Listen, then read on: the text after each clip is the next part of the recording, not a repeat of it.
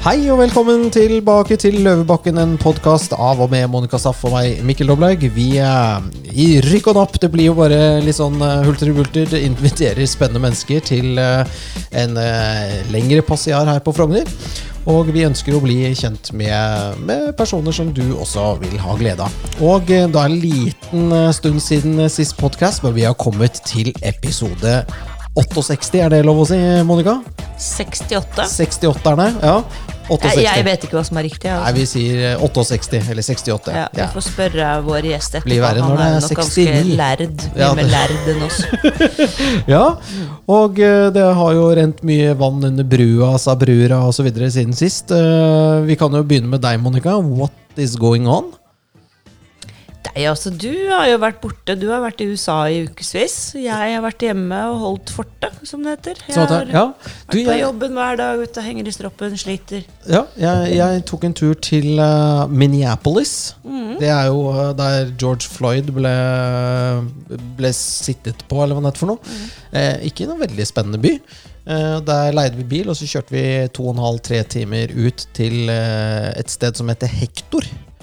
Og da snakker vi Midtvesten. Da snakker vi om skikkelig redneck country. Altså Hector, da kjører du kjører rett frem. Det er helt flatt. Det er rett frem i tre timer. Sånn som man ser på amerikanske Ja, altså det, er, det har jeg aldri vært med på noe villere. Det er helt flatt, og du kjører rett frem. Det er ikke en sving i tre timer. Og da kommer du til en sånn liten, eh, liten sånn eh, cowboyby med sånn eh, liten gate med sånn saloon og sånn på høyre og venstre side. Og du skjønner jo at dette er rustbeltet, at her er jo det er Trumpland.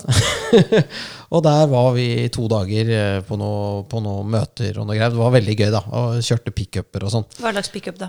Eh, Den største F... Jeg vet da fader. er- Ford F150 Raptor? Ja, men den var enda større. Den var større enn en buss. Den var helt, det var måtte stige for å komme inn i den. Jeg tror du nesten kunne brukt den til sånn ikke Ikke draggy Nei, men den kunne være eh, hevet, sånn- vet du. Var hevet og breia. Husker du ikke min Raptor? Det er Jo, den men den var større, var større enn din. Ja, men den var sikkert hevet. Ja, he, ja. Jeg går ikke med på at den var større enn min. Nei, det, det var en sånn en. Var bare Ja. veldig spennende. Eh, og, der, og skal du i puben, til den andre puben, så kjører du 45 minutter rett frem, da, så tar du til venstre, og så kommer du til en ny sted, som er sånn en sånn cowboyby. Der eh, det ligger på høyre og venstre side av gaten. Sånn fem, 50 meter lang, 100 meter lang. Eller sånt. Ja, Hva var det dere møter om der? Eh, dører. Dører. Ja, alle mulige typer dører. Jeg er i dørbransjen. Eh, så tilbake til New York. Eh, der eh, spiste vi Bodde liksom eh, Er det Fifth Avenue? Liksom Litt sånn flott Upper East End, eller hva det heter for noe. East Side. East Side. Og der røyker vi på Det har blitt ganske dyrt i USA nå. Det er ikke blitt ganske dyrt i USA. Det er veldig svak krone. Ja, det også, men uh, vi spiste en frokost. eh, Og da var det Da fikk jeg en kopp eh, cappuccino, en appelsinjuice og en American pancake med én baconbit på. Og det tok jo han andre som var med også på turen. Og hva tror du det kostet i dollars? Nei, siden du sier at det blir dyrt. Jeg vet ikke. 600 kroner Ja, altså 82 dollar, da. per pers. Nei, til sammen. Ja, 410 kroner per pers, Ja, cirka. ja, ja. Og så med litt dårlig vekslingskurs. Og så hadde vi ikke kontanter, så vi måtte ta penger ut av minibanken, som han tilfeldigvis hadde inne i restauranten sin. Det er veldig uproft vi- å ikke ha Nei, det cash var i jo helt sykt. Men ok, eh, så vi følte at vi hadde blitt ranet, selv om vi hadde gått med på dette frivillig. Spennende. Eh, Mm. reiser ser gjerne tilbake igjen. Ja. Ja. Nei, nå skulle jeg være sånn ikke snill. Ja, Det er jo ikke lov. For jeg tenkte at jeg ser ikke på deg at du spiste lite når du var der. Nei, nei, du, jeg har faktisk gått ned, men det er en annen historie. ja du har det, Mikkel. Du ser veldig godt ut. Jeg skal ikke tøyse så, men det var USA. Men det har jo skjedd litt eh, Du har jo vært i avisa. Ja, det er du òg. Ja, vi har vært i avisen. Mm, Og Løvebakken. Ja. Ja.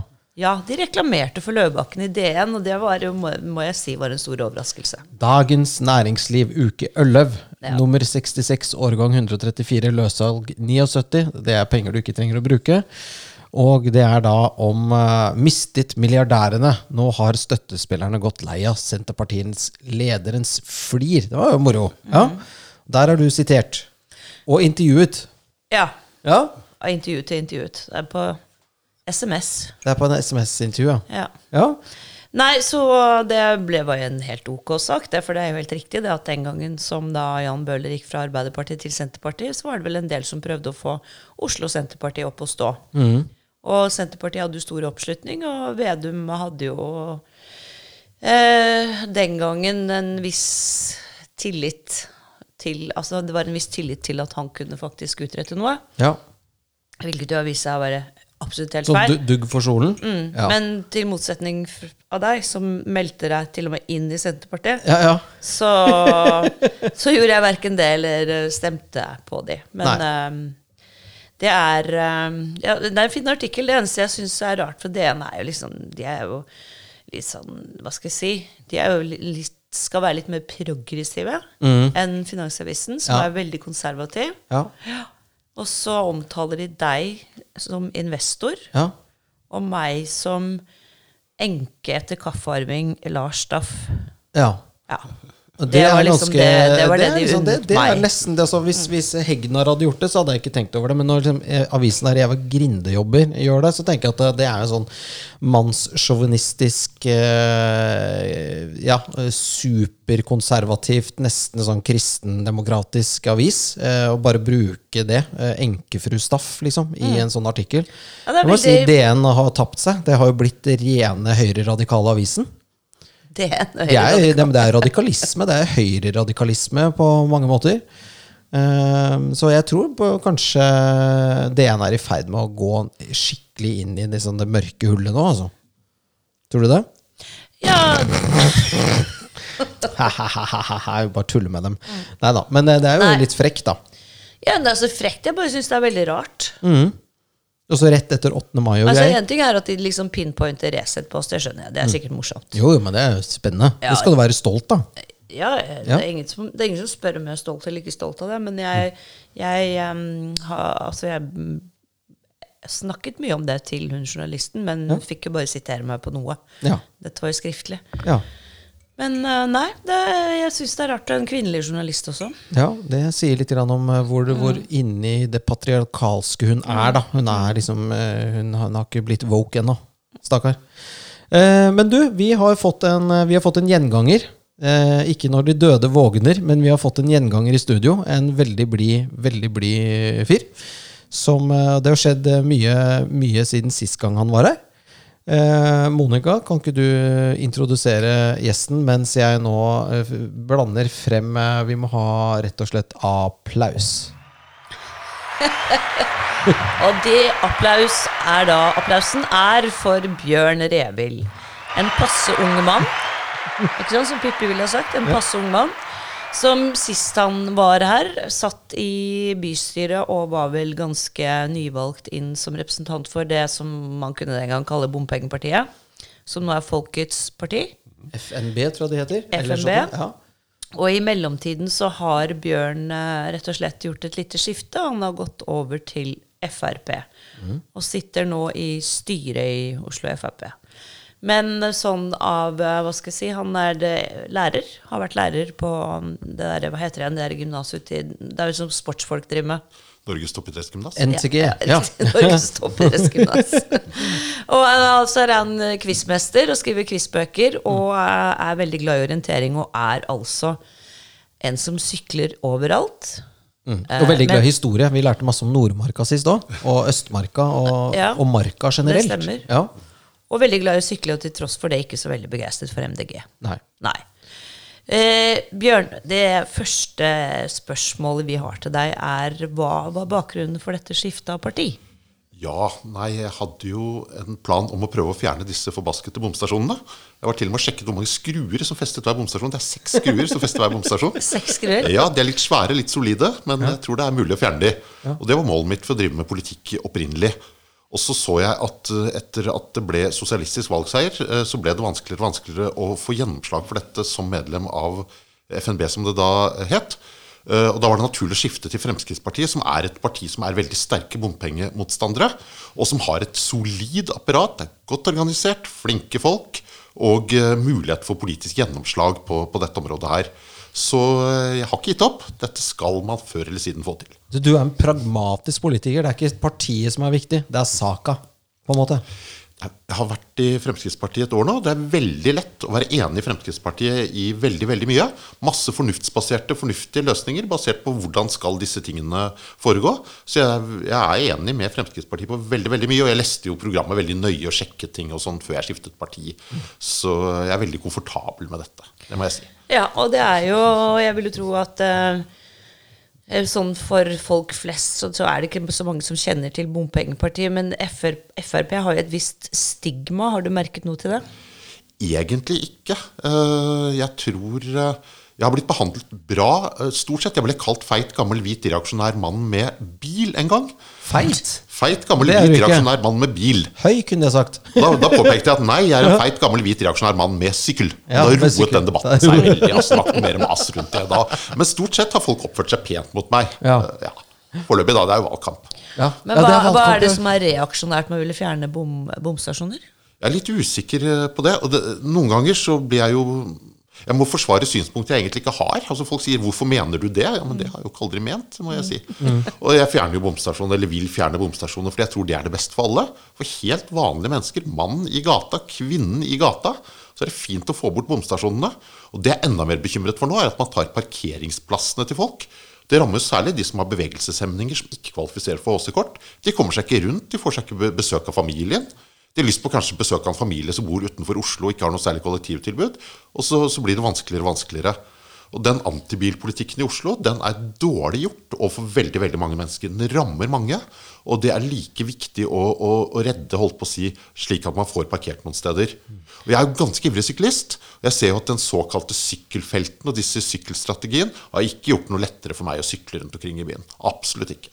Nei, det er ikke det inntrykket jeg har heller. Og de har kanskje lagt til noen steder hvor folk ikke sykler så mye. Jeg vet ikke, jeg blir ofte, I hvert fall i Gyldenløves gate ser jeg veldig sjelden syklister. Men, men altså, hvorfor denne liksom hva, hva er bakgrunnen for For jeg trodde liksom først det var at de ville ha fossilbilene ut. Men det, det er handler ikke om det. Det er alle biler. Hva er bakgrunnen for denne her eh, kampanjen mot bilen?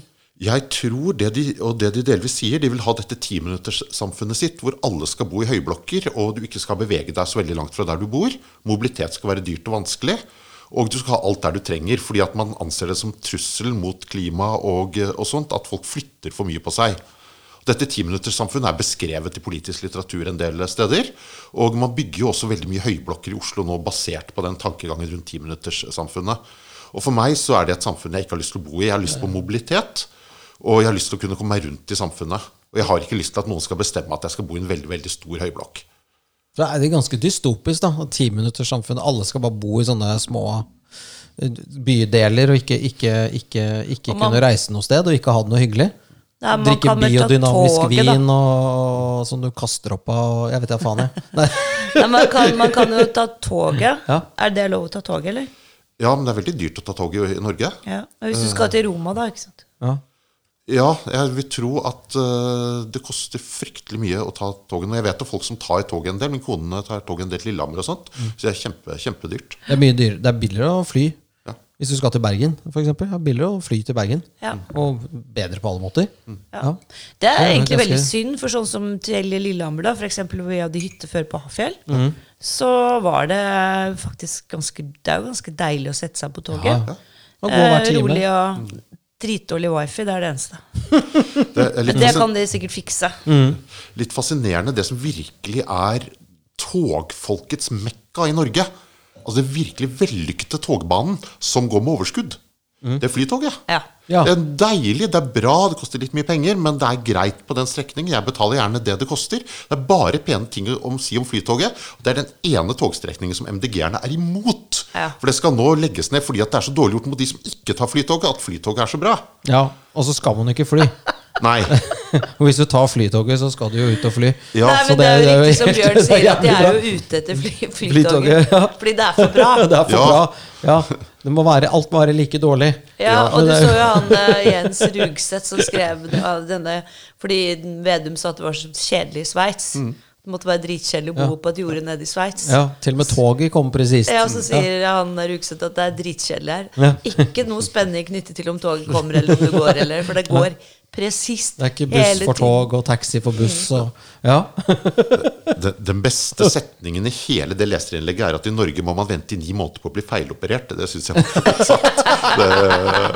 Da fikk jeg er motivert til å lese videre. Ja, men Det var så deilig og befriende å lese, fordi det er liksom akkurat det. Ikke sant? Som, men så skal, kan man ikke si det. Man Mm. kan ikke si det. Og Man skal være så veldig politisk korrekt hele tiden. Skal være så glad for at du bor her. Ja, Du skal være så glad for at du bor i Norge. Ja. Og Ja, apropos Norge og Sveits. eh, Det går jo unna. Eh, Du har vel ingen venner igjen her i Norge, bortsett fra meg, eh, Monica? Siste som Omvendt. Omvendt, ja. Må skru ut lyspæra og reise snart. Nei, men det, det er jo Og Bjørn også, det, altså, det, du som politiker. Altså det, det, nå, nå er du flytt Én ting er vel par og 40 milliardærer, men det er ganske mange som ikke er milliardærer, som flytter, som man ikke har fått med seg. Sånne simple 100 millioners kroner mennesker. De, ja. Ja, de, ja. Nei, jeg, jeg har såpass lite penger at jeg tror jeg kan snike meg til Sveits uten å få kjeft i pressen. Ja. Så jeg tror det kanskje er mulig. for jeg sier nei, jeg syns det er behagelig klima kort vei til fjelltopper og sånn. Og kanskje Ja. bli trodd på dette. da. Det hadde vært litt deilig. ja hva, hva tenker du om det som skjer? Skal jeg Ja, si noe? ja si noe! Ja, nei, For altså det Gud bevare meg vel, barnet mitt. Eh, sånn som, meg vel, barnet mitt. Ja, sånn som er så Kristin Klemme skrev en veldig god kronikk i Civita nå om, eh, om dette med altså Tilbake til hun der Bergstø, Ja. som bruker et språk som eh, jeg håper aldri mine barn kommer til å henfalle til. Eh, helt forferdelig Mm. å høre på. Eh, men det at Røkke, som er da 63 år gammel, ikke skal få lov til å flytte til eh, Lugano, Mm. sånn i utgangspunktet, tenker jeg. Hvorfor ikke? ja han Det er, jo det er altså- fri, fri verden, eller hva også, for noe. og Ja. er det også når, Hvis du flytter ut, da altså det, Jeg syns det er helt hårreisende. Så er det fem år hvor du bare har lov til å være 60 dager i året i Norge. Hvem som helst som er turist, kan komme til Norge og være her i tre måneder. Og de Mm. kan reise hjem, så kan de komme tilbake og være i tre måneder til. Eh, altså, Det er ikke lov. hva, hva, hva, er denne slags, hva, er, denne straffingen av egne statsborgere? er helt sinnssyk. Mm. Og det at du da også etter fem år bare får lov til å være hjemme disse, disse 90 dagene i året Mm. Altså Jeg eh, Bare de tingene der får meg til å reagere. Det når de, skurrer litt, Ja, ja. Men når de da begynner å snakke om at han har ranet kysten og tar med seg alle penga og stikker, så er det vel, tror jeg, Aker Vi har vel skapt Eller Aker Under Aker er det 32 000 arbeidsplasser. Mm. Eh, de er stadig, ikke sant, de investerer stadig i nye ting. Altså, du har jo Aker BP, som er en av de, de bedriftene de er.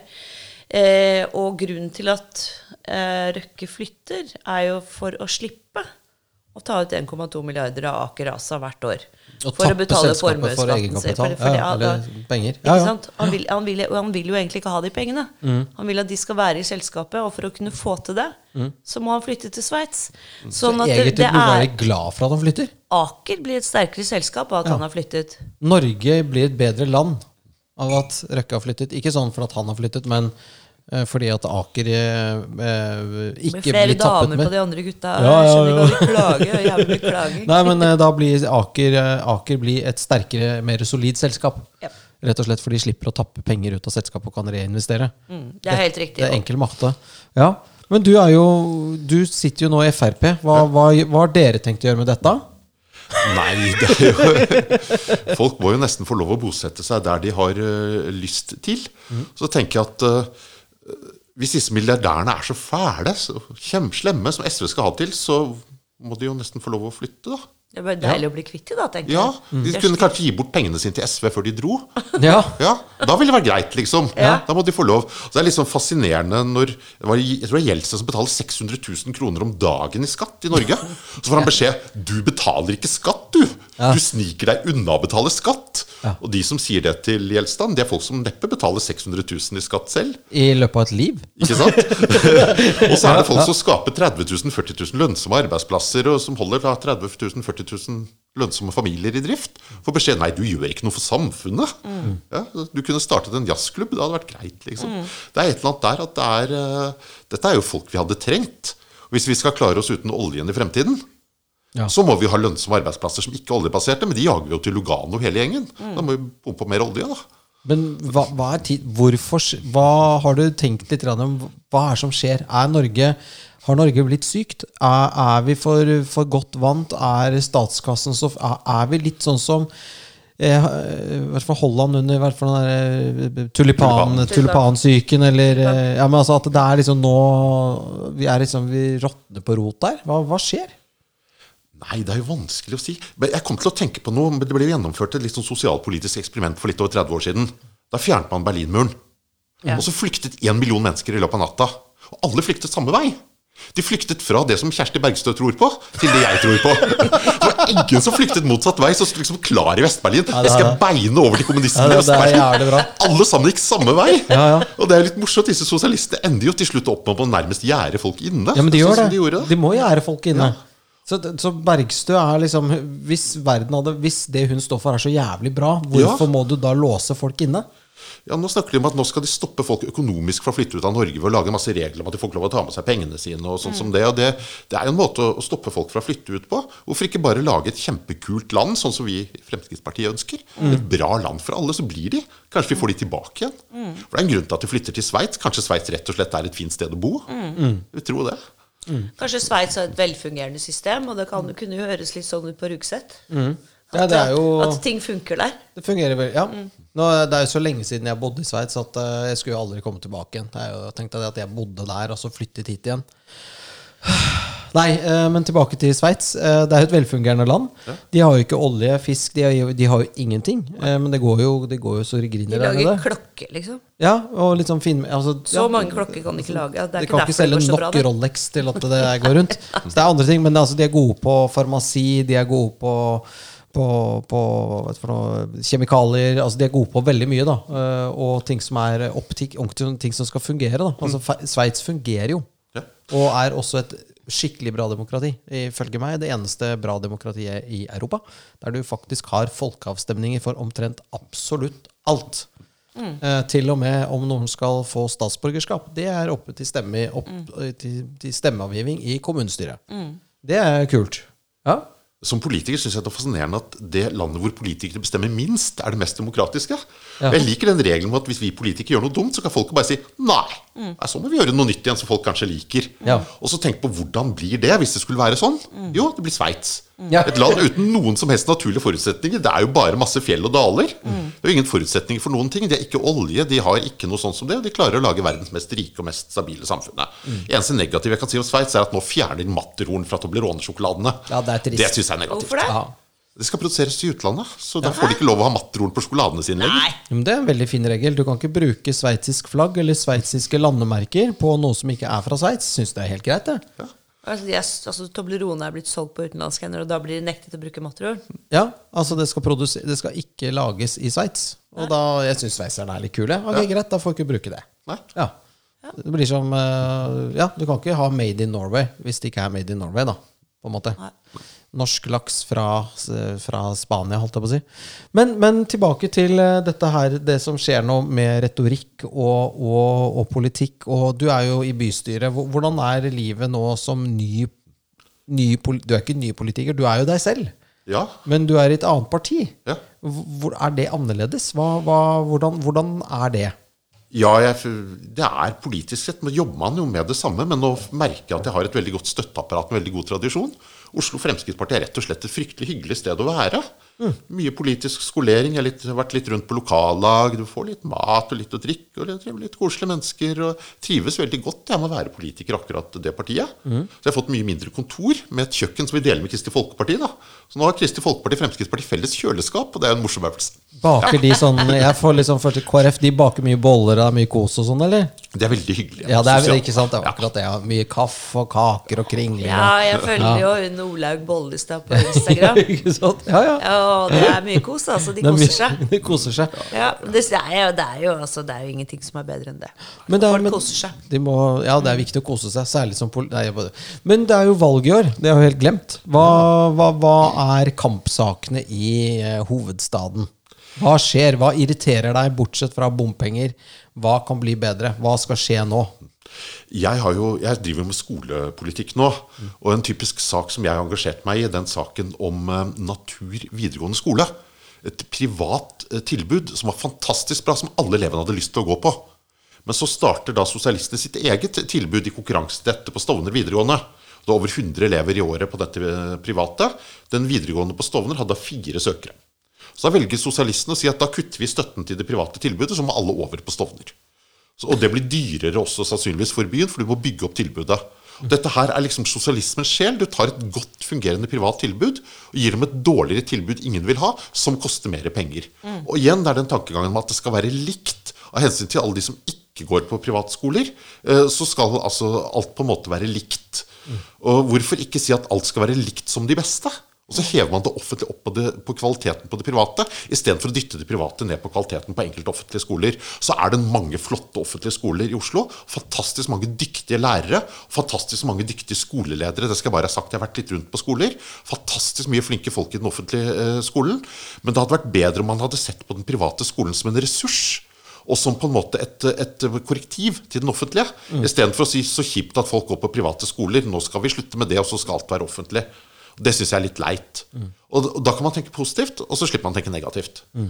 Ja, det er jo litt sånn som med private helsetjenester. ikke sant? Altså at man ser på det som en avlastning for det offentlige. At de som da kan betale for sitt eget, ikke sant? altså hvis du skal et eller annet da på Volvat eller hvor det er, altså mindre sånn kirurgiske ting f.eks. Mm så kan du gjøre det der. Og da sparer du jo noen ikke sant, for en plass i køen ja.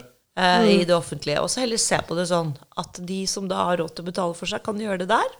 Og så får de resterende som må bruke da det offentlige tilbudet, et mye bedre tilbud, et raskere mm. tilbud. Mm. Ja, du fjerner jo kø og, og sånne ja. ting. Ja. Men det, men, eh, men det, er jo ja, så, så, det du ser her, er på en måte en sånn krig mot uh, privatbilisme, krig mot privatskole, ja. krig mot privathelse. Pri, altså, mm. Det er en uh, Barnehager, bevisst, ikke minst. Barna, ja, barnehagen òg. Der har det jo skjedd ting. Mm. Hva skjedde der? Uh, tror ikke de er spesielt happy for private barnehager lenger. Men det interessante er at private barnehageplasser og private skoleplasser koster jo ikke mer for det offentlige enn, nei, koster det samme for det offentlige som en offentlig plass. Mm. I skolene så betaler du bare 85 ja. Uh, som det, det, offentlige betaler for en skoleplass, mens de betaler 100 eh, for en av sine egne. Mm. Fordi 15% av foreldrebetaling. Så kommunen sparer faktisk penger på at folk går på privatskole? Ja. Ja. Det burde vært bra for en kommune som er så jævlig eh, økonomisk styrt som Oslo. Ja. Unnskyld uttrykket. Kunne man lappet noen hull i asfalten av hensyn til oss syklister? Ja. Kanskje. Ja. Ja, hvordan, eh, men, men, eh, hvordan går det med økonomien i kommunen? Er det ikke litt sånn budsjettsprekker og det Hvordan er det hvordan, ja. Nei, altså De to tingene som har sprukket, er jo ting som er såkalt selvfinansierende. Så det blir direkte finansiert via avgifter. Dette må dere høre på. dette her Som vanlige folk betaler. Mm. begrepet selvfinansierende oppfatter jeg som tidligere norsklærer eh, som ganske provoserende. Mm. For det er jo ikke selvfinansierende. Selvfinansierende betyr at folk betaler. Det går ikke via bykassen. Så når noe er selvfinansierende, trenger ikke politikerne å foreta de samme avgjørelsene, fordi det går ikke på de pengene vi vanligvis flytter på. Det er ikke på budsjettet på samme måte. Uh, Klemetsrudanlegget for eksempel, er selvfinansierende på en måte at det dekkes uh, i hvert fall delvis over vann- og avløpsavgifter. Eh, vannforsyningen eh, er selvfinansierende, og også Fornebubanen eh, dekkes via Oslopakke 3, som er en bompengebasert løsning. Så regningen går ikke direkte til kommunen, går til folk flest, på toppen av alt mulig annet. Så når alle får da høyere felleskostnader på leilighetene sine, så er det fordi at kommunens avgifter øker. Så man tar det inn på den måten isteden. Og det vil bli dyrere og dyrere og dyrere fremover. Og som alle andre avgifter, det rammer de med minst. Mm. Ja, men, Selvfølgelig, for avgiften er jo lik. Ja.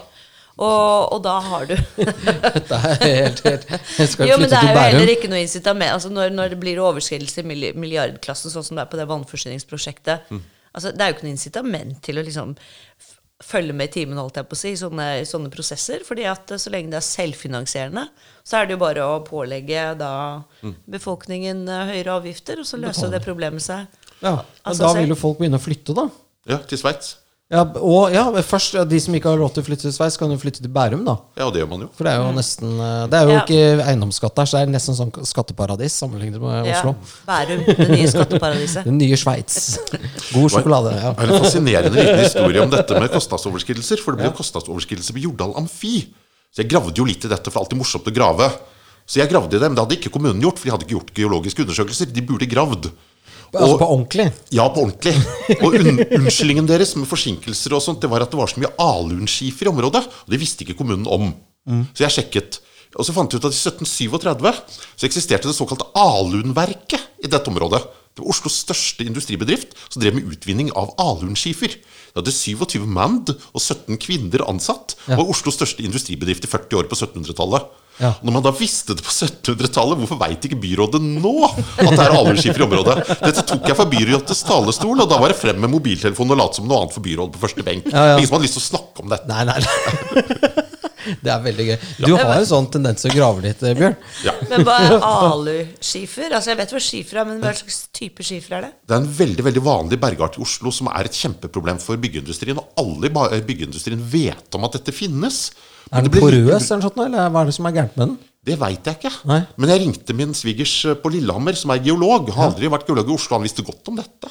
Alunskifer. Ja. Alu? Alu? Alun, det er Al- et slags guff. Ja, altså det er ikke noe bra skifer, liksom? Nei, sånn tulleskifer. Tulleskifer. Ja. Kan ikke brukes til en dritt. Nei, det har, kan brukes til kostnadsoverskridelser. Men hvis du, hvis du drar ut på, ut på Bygdøy og, og ut på, Uti der? Så ser du jo Berget er jo ikke noe pent. Det er jo ikke noe hyggelig. Ja, det skaller av hele tiden. Ja, Ja. det er sånne Ja, det Men det, det trodde jeg var sånn rombeporfyrkonglomerat. Ja. Rombeporfyrkonglomerat? ja. Ja, det, Det er lava Bergart. Det er det? Som jeg, alle disse, alle disse, alle disse øyene fra, fra Moss og nedover, altså Tarralen og Søsterøyene og alle disse øyene, Sletterøyene og alle de, de er laget av rombeporfyrkonglomerat. Monica? Veldig vondt å gå på de bergene. Akkurat samme er det på Bygdøy. Jeg lurer på om det kanskje er det de kaller alunskifer også. Dette er sært av Monica. Mm. Dette, går det bra med deg? Dette er slemme bergarter. Ja, hvordan vet du dette? Slemme, Slemme slemme bergarter. Skaper bare problemer. Ja. Slemme bergarter. Oi. Som nå skal privatiseres, og vi skal bli enda slemmere. Å, fytti rakkeren.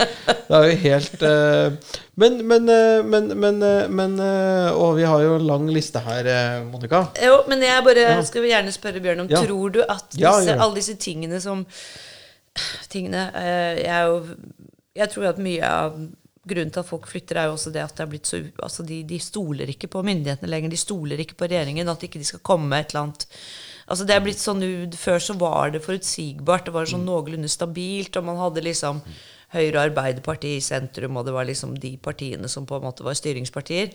Men også sånn som i Oslo, hvor det er gjort mye galskap, vil jeg si, de siste eh, årene, som da annet alle disse sykkelveiene, innsnevringer av altså fremkommeligheten i det hele tatt i byen, da. Er det reverserbart? Kan Det ting fikses? Det er jo det jeg håper på, men hvis en del av det skal reverseres, så blir det jo veldig, veldig dyrt. Men det er jo et demokrati, og hvis folk gjenvelger dette og ønsker dette, vel, så blir det sånn. Det, er vår, det som er vår jobb som politiker, er å si vi lager et alternativ. Ja. Og så kan dere velge det alternativet. Dere får vite hva det er for noe. Og hvis dere ikke ønsker det, helt ok. Derfor jeg ikke kritiserer MDG for å drive MDG-politikk. Det er Jobben deres er å drive MDG-politikk. Det er det de har valgt for å gjøre. Ja, de gjør det. Ja, ja, ja, ja, de er veldig flinke til det. Ja, de er altfor flinke til å drive MDG-politikk. Ja. Pro- Problemet er de andre partiene som støtter opp om MDG-politikk. Det er ikke jeg så veldig happy for. Men at MDG-erne driver den politikken de har valgt på, det syns jeg er helt fair innenfor et demokratisk system. Så skal vi lage et alternativ og si vårt alternativ er bedre, og så kan folk velge. Jeg er litt der. Jeg håper virkelig at det valget nå viser at, uh, at folk mener at det som skjer i Oslo nå, det er ikke bra nok. Og blir det fire nye år med Raymond, så blir det en katastrofe for byen. Det blir virkelig, virkelig ille, altså. Og hva er det som blir ille, da? Nei, man får jo De kommer jo til å utvide dette bilfritt byliv-greien over store deler av Oslo. Hvor folk ikke får lov å bruke bilene de har kjøpt på lovlig vis. Eh, økonomien tror jeg ikke tåler fire år til med sosialisme. Nei. Og veldig mye annet som, blir eh, eh, som, ikke, som er privat, som vil bli kommunalisert. Og så vil pengene bli brukt på sånne ting som det. Jeg tror ikke det blir bra i det hele tatt i Oslo hvis det blir fire nye år. Vi får dyrere og dårligere tjenester. Ikke sant? Det er jo mitt inntrykk av når de tar private barnehager og gjør det til kommunale barnehager. Altså det, det, det at eh, Og så er det liksom Sosialismen i sin natur strider jo mot, strider mot menneskets natur. Også det at de, de snakker om noen av disse mest radikale partiene, at det, det skulle ikke være lov å arve. Nei. Så tenker jeg som, som mor og far, da, med to barn, så jobber du jo for mye for at du skal gi barna dine et sikkert grunnlag for deres videre liv. Det, er jo, det ligger jo i vår natur ikke sant? å ville sørge for våre egne. Og hvis du skal bli, skal bli tatt bort det at det er samme hva du driver med, for de pengene skal staten ha når du, når du Der bør du ta jo fra folk initiativet. Mm. Men disse menneskene vil jo ikke ha familie engang. De vil jo bare at barn skal eh, lages i noe rør på en fabrikk. Altså oppdras i en kommunal barnehage til å gå rundt i sånn Kim Jong-un-klær Jong-un-klær og, og stemme Raymond. Og, og, og alle skal være like grå og kjedelige og drive med Jeg vet ikke. Det er jo det er dystopisk. da Det er litt sånn orwellskt over det. eh, med det samfunnet de vil ha. Jeg bare lurer liksom på uh, gjør de dette her fordi at de er slemme, eller gjør de bare dette her fordi at de er dumme og vet ikke bedre? Det er noe sånn barnlig over det hele, syns jeg. Nå er jeg kanskje litt ekkel, men uh, det har jeg lov til å være på min egen podkast. Det det. Du trenger heller ikke å svare på det, men jeg ser at du har lyst til det, så vær så god. Det som jeg syns er litt rart, er at politikken oppfatter jeg som helt håpløs. Men flere av de menneskene som står bak, oppfatter jeg som ganske oppegående mennesker. Og så tenker jeg, Hvordan kan du som en person til en per person på venstresiden, som egentlig er ganske fornuftig, likevel gå inn for denne typen løsninger som er så dårlige? Ja, Jeg klarer ikke å finne et svar på det. det. Og de er ikke slemme heller. Nei. Nei. Er det Jeg tror Ibsen sa noe om at eh, politiske partier er lik en kjøttkvern som gjør alle om til grøthoder. Altså det kverner alt sammen, så blir det bare eh, Blir det bare graut igjen, da. Fra tid til annen kjenner jeg meg igjen i det. altså Ja. Ibsen var en fornuftig mann. Han var det. Ja, det er vel i Folkefiende Ja, han altså, sier du, det. har- du har jo no, Noe av dette springer jo liksom ut av, av jante. Ikke sant? Misunnelsen, det at ingen skal ha noe mer enn andre, og at, det, at du liksom misunner andre. Og det er også, det er også en, en, um, en naturlig Altså det er en menneskelig følelse. Jeg tror vi alle har følt på det en eller annen gang, at vi kan være misunnelige på et eller annet. Men det er jo ikke en av de følelsene man skal liksom eh, Altså Styre Nei, men det, det, den må styres. Det er, jo, det er jo ikke en dyd. Nei, det er det motsatte. Tvert det er imot, en ikke synd. sant? Ja, sånn Ja. at uh, idet du føler misunnelse, så må du liksom prøve å gå litt i deg selv og tenke hva, hva, hva det, hvor kommer dette fra? Mm. Eh, mens eh, jeg føler at noen får, lar den liksom blomstre, og så kommer det helt ut av proporsjoner. fordi som ofte så tenker jeg at de som liksom har mer enn meg, de har vel kanskje stått opp litt tidligere om morgenen og jobbet litt hardere og vært litt mer dedikerte og kanskje ofret mer av familie og barn og, og sånn enn det jeg ville vært villig til å ofre for å ikke sant, få um, tjene mer penger, da, hvis vi skulle måle det på den Hvis noen måten. vil det. Ja.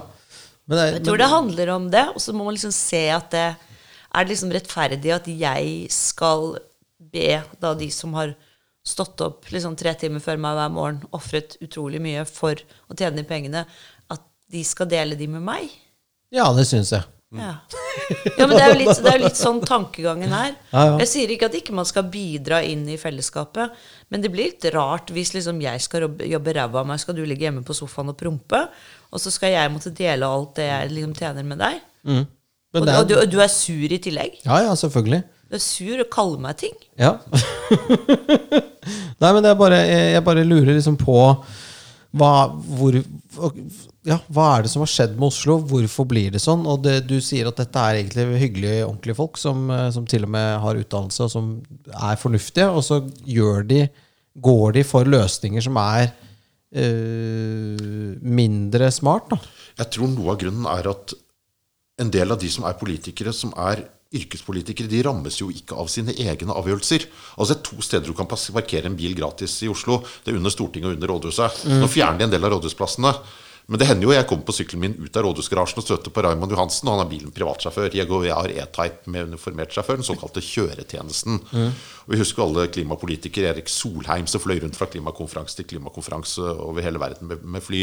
Er du byråd, så tjener du en million. ikke sant? Så Ja. hvis, du, hvis du slipper å bli rammet av konsekvensene av din egen politikk, så kan du gå med på ganske mye. Eh, og Derfor har jeg litt troa på at man skal ikke nødvendigvis være yrkespolitiker. Man skal komme fra en jobb, være politiker noen år og gå tilbake til det samfunnet man har vært med på å skape. Og jeg tror også hvis politikerne var nødt til å stå i de samme bilkøene og barnehagekøene og uh, Nav-køene holdt jeg på å si, som, som alle andre, så ville samfunnet vært veldig annerledes. Vi må ha politikere som blir rammet av sine egne vedtak. Så det tror jeg vil være bedre. For det er lettere å vedta noe så lenge du vet at du selv blir selv ikke påvirket av det. Ja, og da er det to, to sider ved den saken. Fordi at en ting er liksom hvis du sitter og vedtar noe du ikke blir rammet av, men liksom in hva, hva er vel liksom gleden ved å gjøre det? Er det at du skal få fortsette å kjøre denne bilen med sjåfør og tjene en million i året? Er, liksom, er, det så enkelt, er svaret så enkelt? At det er det som liksom er så viktig for dem? At de faktisk med viten og vilje vedtar ting som de vet rammer da andre mennesker ganske hardt? Jeg tror ikke de selv har en forståelse av at dette rammer folk. Derfor må man alltid peke på noe litt utenfor som et slags grunnlag for det man gjør. Så klimakrisen som alltid vil komme om ti år, den er veldig fin å peke på og si se her, vi Ja, har har en så blitt viktig skjøvet jobb. på nå i mm. Ja, i veldig mange år. Men den kommer fortsatt om ti år. Mm, om ti år så kommer det en ny tiårs... Ja. Og så Men blir det hvordan jo kan, hvordan, kan, hvordan kan åpenbart intelligente mennesker liksom sitte og ljuge så fælt for seg selv? Jeg vet ikke. Nei, men Det er jo livsløgnen, da. Det er jo veldig greit. Og det, det gjør man jo hele tiden. Uh, og hvis det tjener formålet om å få sitte i den bilen i fire år til, så gjør man jo det. Det er jo litt sånn derre uh, hva skal De blir jo veldig så hårsåre og sinte når man påpeker at de har gjort noe feil, for de har jo aldri gjort noe feil.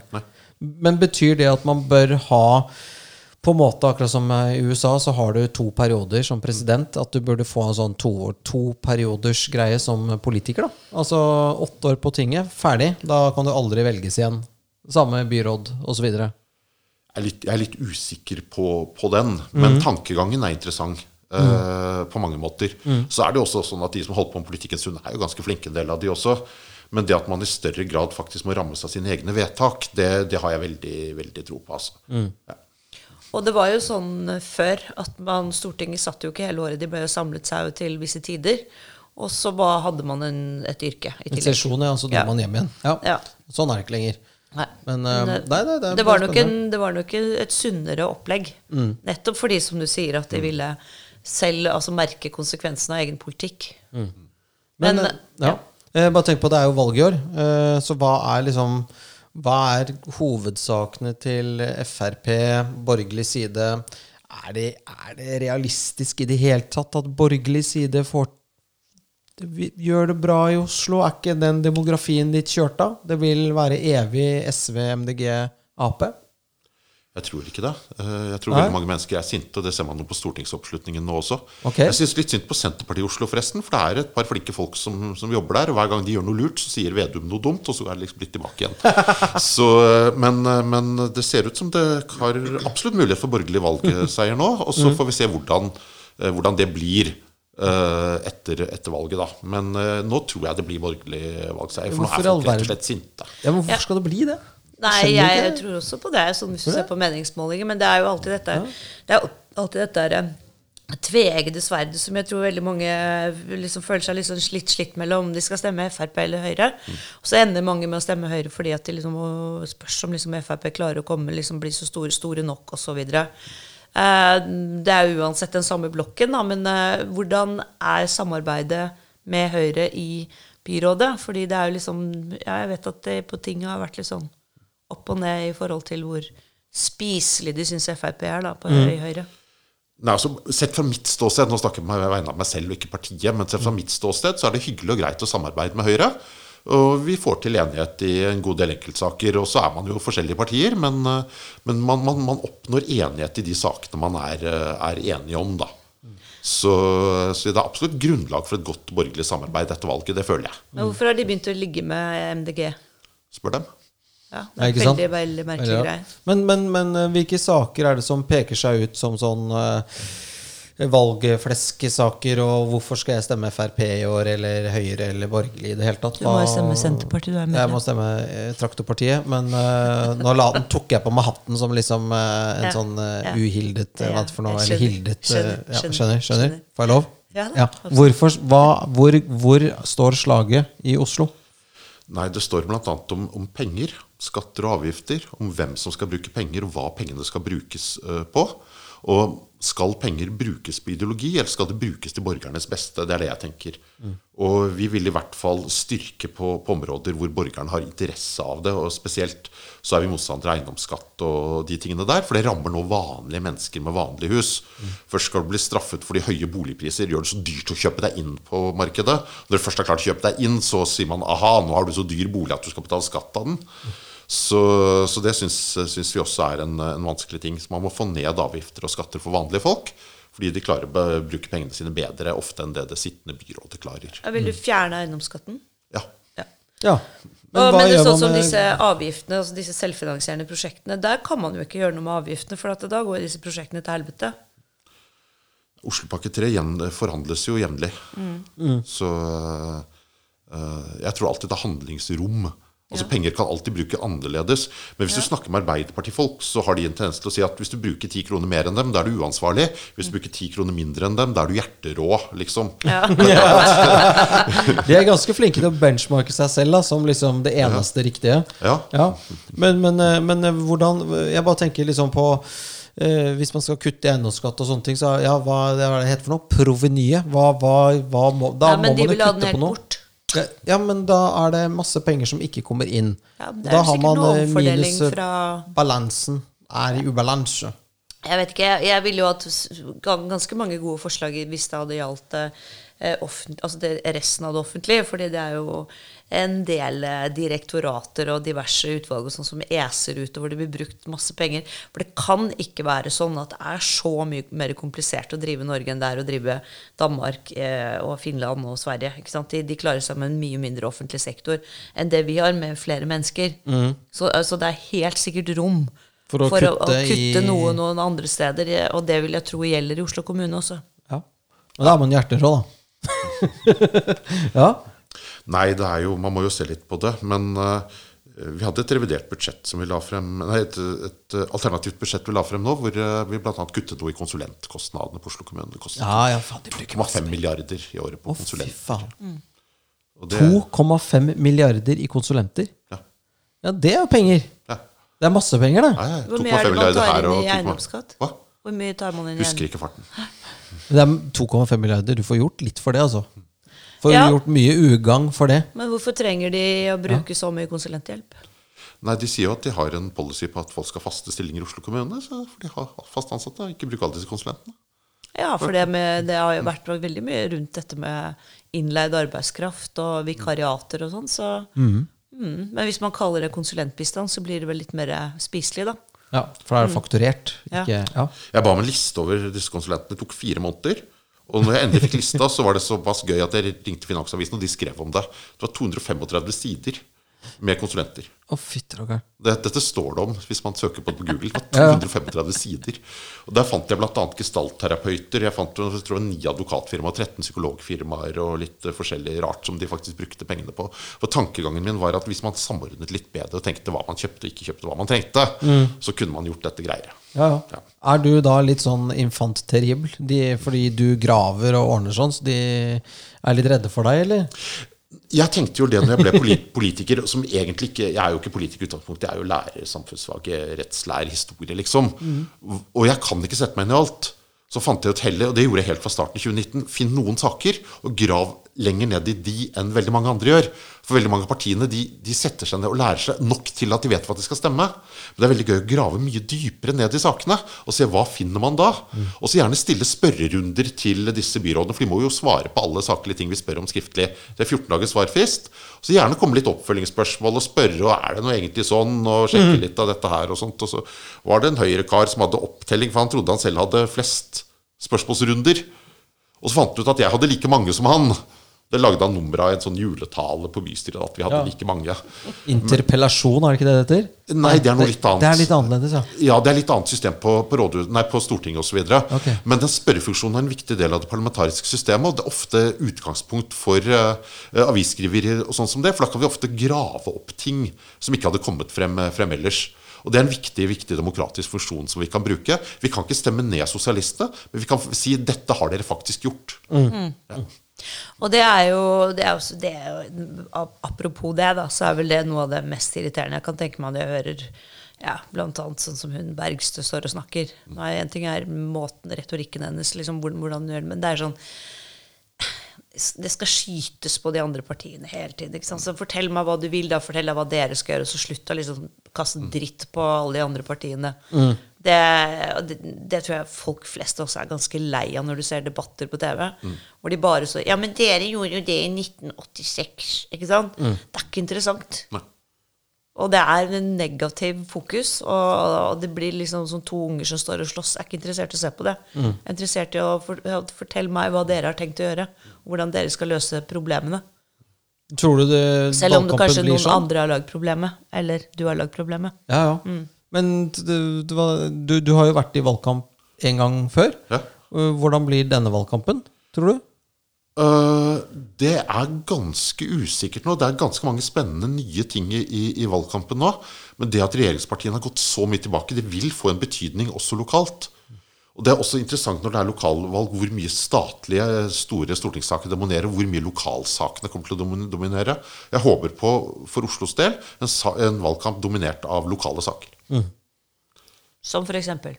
Eh, som f.eks. økonomi, samferdsel, skole. Og skole er jeg veldig opptatt av. Man er jo ikke flinke nok til å holde orden på, på, på skolebygningene i Oslo. Det er veldig mye skader, og det er veldig mye som ikke blir pusset opp. Altså Det er skoleplikt i Norge. Skolebarna burde ha krav på godt, eh, godt skolemiljø. Ordentlige bygninger. Ordentlige lærere, ordentlige forhold. inni for det. Inneklima og alt mulig. Ja, ja. ja.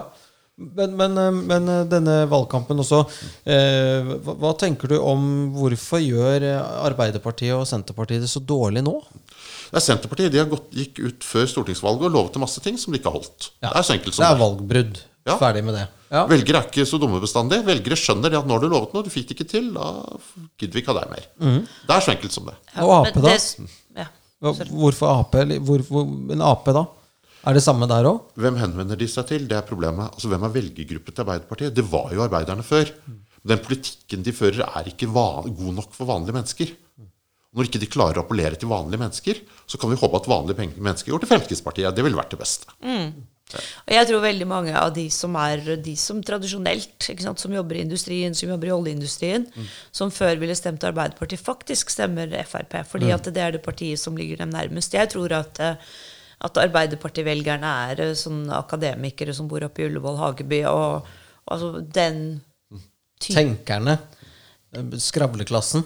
Skravleklassen, ja.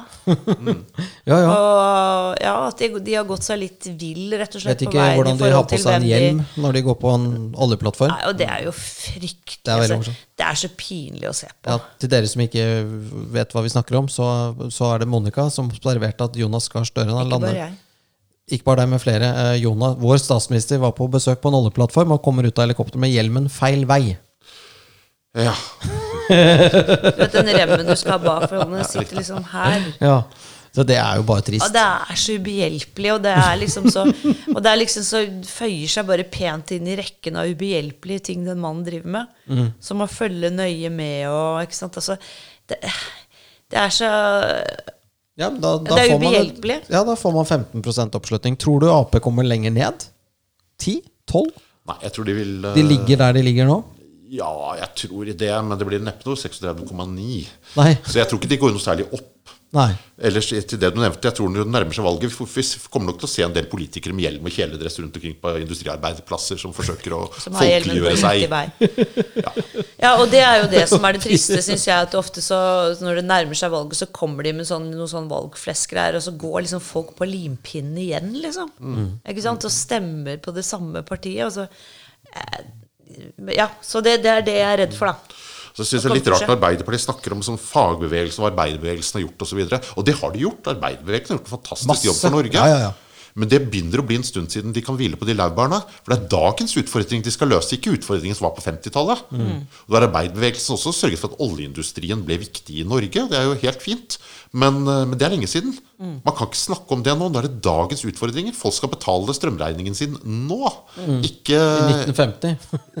ja, ja. Jeg tror Arbeiderpartiet kan være glad for at, eh, at valget er om sommeren og ikke om vinteren. fordi at strømregningene vil jo fortsette å holde høye hvis ikke rett og slett man tar seg sammen og endrer dette energisystemet vi har. For det er ikke bra nok. Vi betaler for mye, eh, og vi betaler for mye for ting som ikke burde vært dyrt. Jeg er, jeg, er, jeg er redd ikke vi får gjort så veldig mye med det, altså. Nei, Eh, men de det er kablene jo, ligger jo der. Jo, jo, men det, nå har de jo faktisk Nå vedtok vel Senterpartiet at de ikke ville være med på den elektrifiseringen av Melkøya. Og jeg tror at Og jeg, og jeg fatter jo begriper ikke altså de, at ikke de har sett dette med den elektrifiseringen av sokkelen for lenge siden, at det er galskap. Og nå, har, nå skal de liksom sånn step by step begynne liksom å, å si at nei, vi kan ikke det, vi kan ikke det. Ikke sant? Istedenfor å si at fy faen, det var en jæsklig tabbe, det skal vi selvfølgelig ikke gjøre. Ikke sant? Det kommer ikke til å skje. For da vil det, altså de, den strømmen må jo hentes fra Fastlands-Norge med de prisene vi har nå. Og dette med det ACER og den avtalen og kablene og alt dette her. Det blir ikke Det er så mye liksom- batterifabrikker og grønt eventyr i Norge. Fordi vi, det, det koster jo for mye. Det er jo antakeligvis billigere å gjøre det i andre land. I Tyskland kanskje, til og med. Ja. ja vi har jo alltid dyrest strøm. Nei, det, det er, eh, det er um, Ja, men, men det er jo jeg tenker på lokalvalget her i Oslo, så er det liksom ikke så mye det, Strømprat blir jo egentlig ikke en del Det er jo ikke det. Det er kollektivtrafikk, det er elektriske busser, det er sykkelfelt. Det er jeg vet ikke hva mer som er Oslo-politikk. Det er interessant at byrådet ikke leverer på de tingene som sier de er kjernesaker. Som sagt, altså Alle som mener at det er ålreit å sykle i Oslo, burde prøve. Jeg har vært vintersyklist. Ja, nå har jeg skiftet til sommersykkel. Det er et av årets første vårtegn. Ja. Skiftet fra vintersykkel til sommersykkel. Og uh, veldig sjelden jeg ser at det er så mange fra bystyret som, som sykler selv. Det skjønner jeg godt. Det er ikke noe bra å sykle i Oslo, egentlig. Og de leverer jo ikke på det. De leverer ikke på vanlige menneskers velferd. De leverer jo ikke på disse kjerneoppgavene som venstresiden sier de skal. Og så klarer de ikke å levere på helsevesenet, på disse helsehusene som ikke fungerer. Eh, kanskje de burde, burde levere på sine kjernesaker, i hvert fall. Men hvorfor får de ikke dette sykkelveinettet til å funke? Fordi at det er bygget på feil premisser. Altså Premisset er at de legger det der hvor det er parkeringsplasser som de skal fjerne. Derfor Ja, du får disse så små bitene på 100 meter. ja, ja, i stedet for at det er der folk sykler. Ja. Ja, altså Jeg har jo syklet veldig mye i utlandet. Jeg Jeg tok til og med sykkel i sykkelkoffert til Nederland og syklet rundt i Frisland i 14 dager. Og jeg, vil, ja, jeg prøvde til og med å få med Finansutvalget da jeg satt der på at nå reiser vi på studietur til Luxembourg istedenfor til Stockholm. For Luxembourg har så fine sykkelveier. Så jeg tenkte at de kunne få sett på de fine sykkelveiene i Luxembourg, for de har jeg prøvd ut sjæl. Der bygger man sykkelveiene som egne sykkelveinett, som er sånn i to retninger, vekk fra biltrafikken. Eh, I Nederland så legger man det ofte slik at du har motorvei, åker, sykkelvei, ny åker, kanal. Ikke sant? Så du Ja. slipper å sykle langs hovedveien. Ja. Disse sykkelfeltene brukes bare i landsbyene der de må bruke det, disse røde sykkelfeltene. Så har da disse samferdselspolitikerne for Oslo reist ned til en eller annen by nedi der og sett i sentrum på at oi, det er røde sykkelfelt, så nå skal vi bygge det over hele Oslo. Mye bedre hvis man har bygget ordentlig sykkelvei der det faktisk er bruk for det, av en standard som holder. Og Det gjør man i disse landene som faktisk kan sykkel, sånn som Nederland og Belgia og sånt. Da har du egne sykkelveinett som er separate. Og det gøyeste av alt I Nederland har du sykkelferje. Så jeg stoppet ved en kanal. Det kom en ferje over, hentet meg og fraktet meg til den andre siden. Og så syklet jeg videre. Det Det er, helt fett. fantastisk. Det er kult. Så lær av sykkelnasjonene gjør som dem. altså. Og de stopper ikke en eneste biltrafikk for å gjøre dette. Du kan fortsatt kjøre bil i Nederland og Belgia. Som er verdens to mest overbefolkede land, omtrent. Ja, der er det hardt på kvadratmeteren. Det er klart, det er jo ikke også, det er jo, Norske klima er vel ikke sånn det innrettes så veldig for sykling året rundt. Takk, jeg er ganske våt på bena nå, så det Ja, ja, ja, ja. Men, Så- men, men eh, sånn kollektivtransportmessig Jeg husker i Sveits, som er et kjedelig land, eh, helt eh, ubrukelig land, selvfølgelig. Jeg lurer på om det er i Bern, så er all kollektivtransport gratis. Eller ikke gratis, det er skattebetalerfinansiert, men eh, du kan gå av og på buss og trikk og bane og alt eh, uten å betale noe. Den billetten er betalt. Um, er det, en, er det en idé for Oslo, altså Oslo Sporveier? Eh, Du kutter konsulentbruk på 2,5 milliarder, og så bare lar du alle gå på bussen, f.eks., og T-bane? Nei, jeg tror ikke jeg akkurat skal kommentere Fremskrittspartiets uh, politikk på samferdsel. Nei, det er det andre som, uh, andre Andre som gjør, så akkurat den vil jeg ikke Da foreslår jeg at frem eh. Frp lanserer det. Gratis softice og årets skikkelig sånn valgfleskbombe. Og rulletrapp. Og rulletrapp overalt, egentlig. Rullefortau hadde vært jævlig deilig. Det er det nye. Rullefortau i hele Oslo. Men det, koster, det koster 40 kroner for en enkeltbillett med ja, Ja, ja, ja, det er derfor jeg sykler om vinteren. ikke sant? Ja. Så Hvis jeg sykler ned til byen opp igjen istedenfor én enkeltbit hver vei, så har jeg råd til en øl på vei hjem. Ja, altså Det er jo fantastisk. spenn. Ja, det, men det er, Det er jo- dyrt. Det, det, det blir jo 80 kroner, da. Eh, Vinn-vinn-situasjon. Vinn-vinn. Veldig bra, altså. Ja. Og så er det en annen ting, og det tror jeg jeg har nok sagt uh, i denne podkasten før, men uh, jeg syns jo hele måten de gjør det på, har jo skapt et sånn utrolig negativt klima mellom syklister og bilister. Ikke sant? Det er liksom hytting med knyttnever, og det er liksom Det er skapt en sånn derre To fronter som er helt unødvendige i min verden. Ja, for det går an å dele veien. Det går an å dele veien. Det det. Men det er jo, jeg la merke til, altså du kan ikke kommentere samferdsel òg. Sant, fra FNB, da kunne du si alt om alt. Ja. Da var det eh, fri radikaler i fri dressur. Nå har det kommet inn et ekte politisk parti. Så nå må du bare snakke om det du skal, det Sektor? Sektorpolitiker? Nei, hva heter det for noe? Vi, vi deler jo litt på oppgavene på å sette oss inn i ting, og sånt, så det er naturlig for meg å kommentere på de områdene som jeg, eh, som jeg driver med. Pluss at Ja. jeg er med i podkasten som privatperson. Ja, ja, ja, okay, ok, ok, ja. Så, Men, vi Så må, sånn men kjenner du Du sa jo det at eh, vi, vi, det hadde vært gøy hvis vi hadde hatt noen raddiser på besøk her. Eh, Kjenner du noen skikkelige raddiser, eller? For vi har, de vi har spurt, de, de, de tør ikke komme. Mimer vil ikke Eller svarer ikke. Nei, svarer ikke. Nei. Nei. Ja, men kjenner du noen kjemperaddiser? Ikke som jeg kan komme på nå, men jeg syns absolutt dere skal få de med her. Det Ja. synes jeg er fint. Jeg Det er jo tilhenger av ytringsfrihet for alle. Og Ja. jeg syns det er kjempespennende å sitte og høre på folk som mener noe helt annet enn meg selv. Det er det som er gøy. fascinerende å høre på. Så Ja. ofte, Ja, og det, vi er jo helt enig i det, så vi eh, har jo prøvd Ja. Demokratiet er jo en reise i uenighet, Monica. Ja, og ytringsfriheten er jo ekstremt viktig. Men eh, ja, hvem skulle vi hatt, da? Eller, er det noen Det er ingen raddiser i, i byrådet? Det er bare radiuser i byrådet, er ikke det? Ja, Ingen annen han kjenner. Ja, Start på øverste hylle. Ring Raymond! ja, vi ringer Raymond. Ja, Ja. si at jeg har sagt det, så går dette fint. Ja, det gjør vi. Vi ringer Raymond. Ja, Raymond liker har jo litt sånn pomp og prakt, da. Ja. Jeg glemte å si en ting på sykkel. Fordi at jeg syklet jo på en dag jeg ikke burde gjøre det ned til disse bystyremøtene. Det var så vidt det gikk bra, for det var jo snøfokk og alt mulig. Jeg så ikke en eneste syklist. Så nevnte jeg dette fra bystyrets talerstol at tenk det, dere har bygget 13 milliarder kroner for sykkelveinett. Bare for meg! Ja.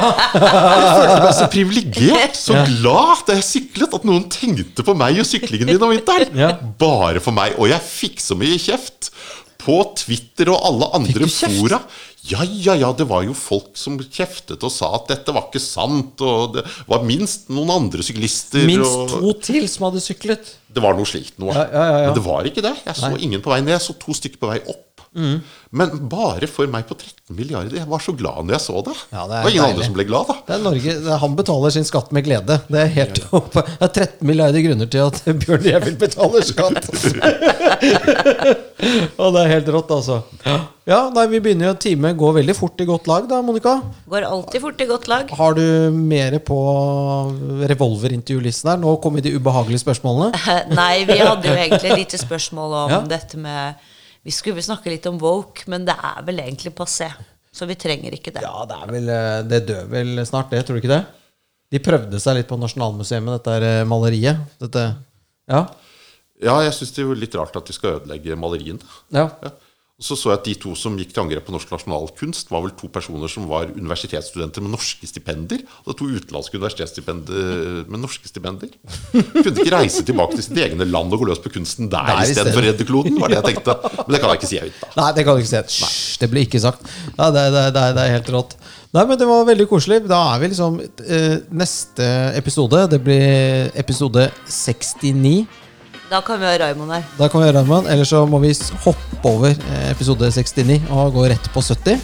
Det blir som eh, episode 13, ikke sant? Ja. Nettopp. Ja. Men uh, i hvert fall tusen, tusen hjertelig takk for at du stilte opp for oss igjen, Bjørn. Ja. Det er alltid en glede både å treffe deg og høre deg. ja, veldig gøy. Og lykke til med valget. Tusen takk. Dette blir gøy, og det er hyggelig å være her. Ja.